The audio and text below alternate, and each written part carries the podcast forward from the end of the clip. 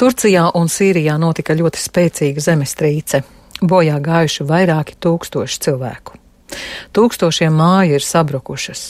Glābēji drupās meklē izdzīvojušos. Sagaidāms, ka zemestrīces upuru skaits pieaugs. Turcijas valdība un Sīrija lūdz ārvalstīm palīdzību. Glābšanas darbus turpmākajās dienās varētu apgrūtināt laika apstākļi - lietus, sniegs un sals. Latvijas ārlietu ministrijai nav zināms par zemestrīcē cietušajiem Latvijas valsts piedarīgajiem. Ukraina gatavojas jaunam Krievijas uzbrukumam, tā ziņo Ukrainas izlūkdienesti. Uzbrukumam Krievija varētu piesaistīt līdz pusmiljonam karavīru. Lai tos savāktu, Krievijai būs nepieciešami aptuveni divi mēneši, tā uzskata Ukrainas izlūkdienesti.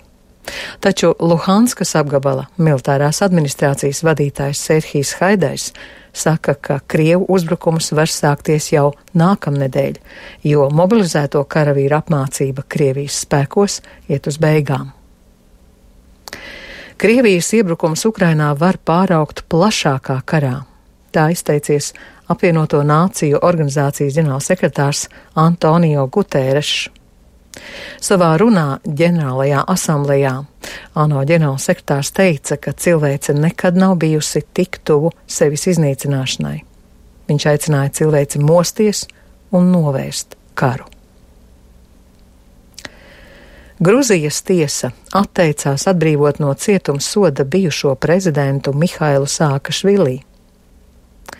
Sākašvilī atrodas slimnīcā, kur viņš nonāca pēc 50 dienas ilgā bada streika. Sākašvilī svars ļoti samazinājies, un viņš var nomirt, tā uzskata ārsts.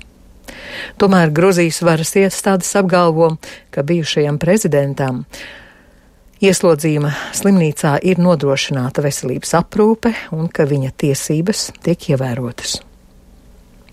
Sākašvilī pirms pieciem gadiem aizmuguriski notiesāja par dienesta stāvokļa ļaunprātīgu izmantošanu. Viņam piesprieda sešus gadus cietumā. Cilvēktiesība aizstāvji uzskata, ka spriedums ir politiska atriebība. Partija Saskaņa nolēmusi izslēgt no partijas Rēzeknes mēru Aleksandru Bartaševiču. Viņam pārmet partijas diskreditāciju un statūtu pārkāpumus. Bartas Ševičs sociālajos tīklos aicināja boikotēt partijas kongresu, meloja par tā norisi un partijas nostādnēm nozīmīgos jautājumos.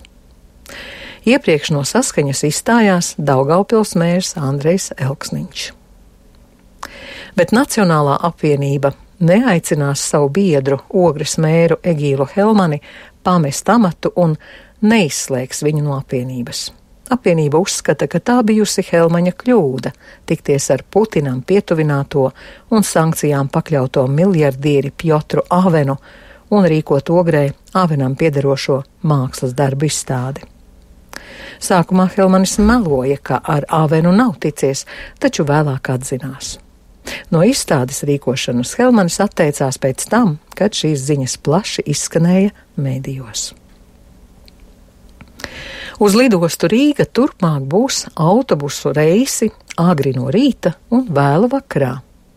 Pirmais Rīgas sabiedriskā transporta reiss no centra lidostā pieturēs pulksten 5 un 20 minūtēs. Savukārt pēdējais autobuss no lidostas izbrauks 40 minūtes pēc pusnakts. Par laikapstākļiem Rīgā pat labam 1 grāds, ziemeļrietumu vējš 3 m2, gaisa spiediens 780 mm, gaisa relatīvais mitrums 94%. Otradien Latvijā gaidāms mākoņains, brīžiem skaidrosies, naktī vietām austrumu rejonos neliels sniegs, ceļi slīdeni. Naktī lēns vējš, dienā dienvidrietumu dienvidu vējš 2 līdz 7 m2. Gaisa temperatūra naktī - mīnus 2, mīnus 7, kurzemē piekrastē mīnus 2 plus 1, dienā 0 plus 5, bet Latvijas austrumos 0 mīnus 2. Rīgā naktī mīnus 1, mīnus 2, dienā plus 1 plus 2 grādi un Rīgā bez nokrišņiem. Laiktips otrais - labvēlīgs.